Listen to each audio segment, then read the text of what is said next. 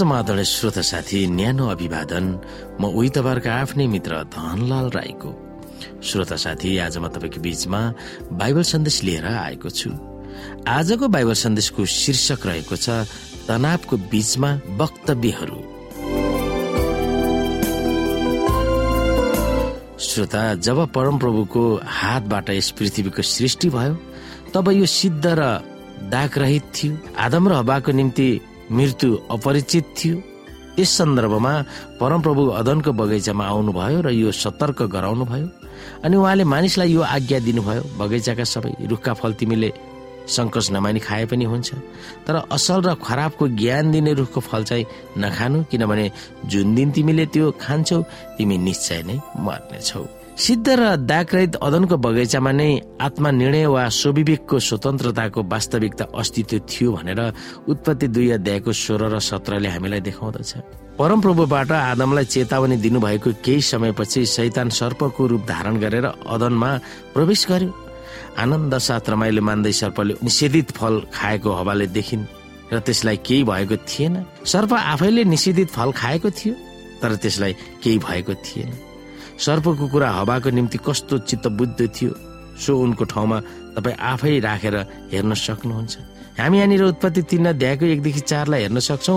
परमप्रभु परमेश्वरले बनाउनु भएका वन्य पशुहरू मध्ये सर्प सबभन्दा धूर्त थियो।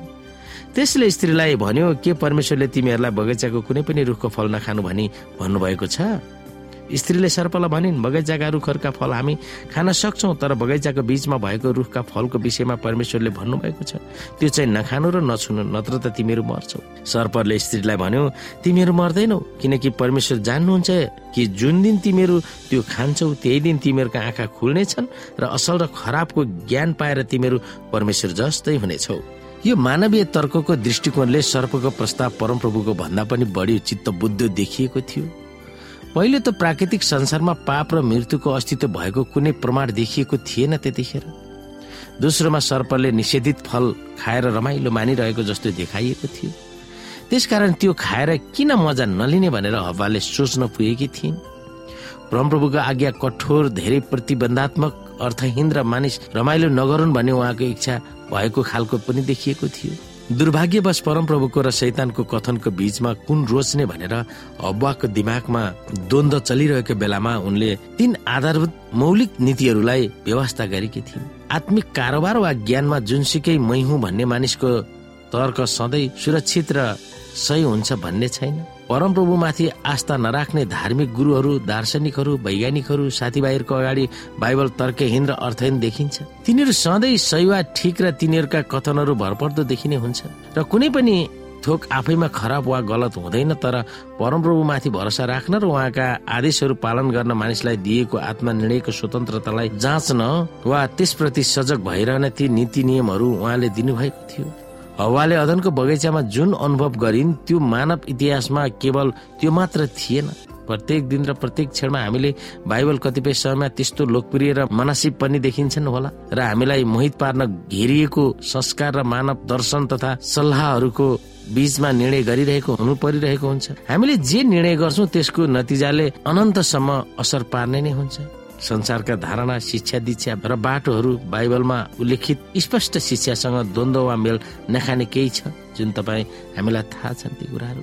हामी हेर्दछौ संसारमा भइरहेका रमाइला चाडपर्व विभिन्न समारोहहरू विभिन्न मनोरञ्जनका कुराहरू। देख्छौ ती कुराहरूमा हामी भुलिँदाखेरि वास्तवमा बाइबल केही होइन भन्ने हामीलाई लाग्न स्वाभाविक छ। श्रोता यो सैतानले ल्याएको गडबडी हो। जुन कुराले हामीलाई बाइबल प्रतिको आस्थालाई घटाइदिन्छ। जसरी हामी संसारको मोच मजा खाने पिउने हिँड्ने रमाइलो गर्ने आदि इत्यादि कुराहरूले हामीलाई परमेश्वरको मार्गदेखि टाढा गर्छ। हामीलाई यही पो जिन्दगी हो कि जस्तो पनि लाग्छ तर श्रोता साथी हामीले ती कुराहरूबाट कसरी जोगिनु पर्छ जसरी सर्पले हवालाई देखाएको बाटो उसलाई केही पनि भएको थिएन उसले त्यो खायो ऊ दुष्ट थियो ऊ फसाउन चाहन्थ्यो। र भन्यो यो फल तिमीले खाँदा केही पनि हुँदैन। तिमी त परमेश्वर जतिकै जान्ने हुन्छौ हामीले हेर्यौं उसले बुझ्यो साँच्चै नै यो केही होइन रहेछ। परमेश्वरले त हामीलाई गुमराहमा पो राख्नु भएको रहेछ भनेर उसले बुझ्यो। शैतानको कुरा ठिक रहेछ भने उसले महसुस गर्यो र अन्तमा त्यो फल खाए र आफ्नो पतिलाई पनि खुवाए। तब त्यसको नतिजा संसारमा पाप आयो र सबै मानिसहरू पापी भए। यो कुरा हामीले बुझ्नु पर्दछ। श्रोता साथी आजको लागि बाइबल सन्देश यति नै। हस्त नमस्ते जय मसिंह।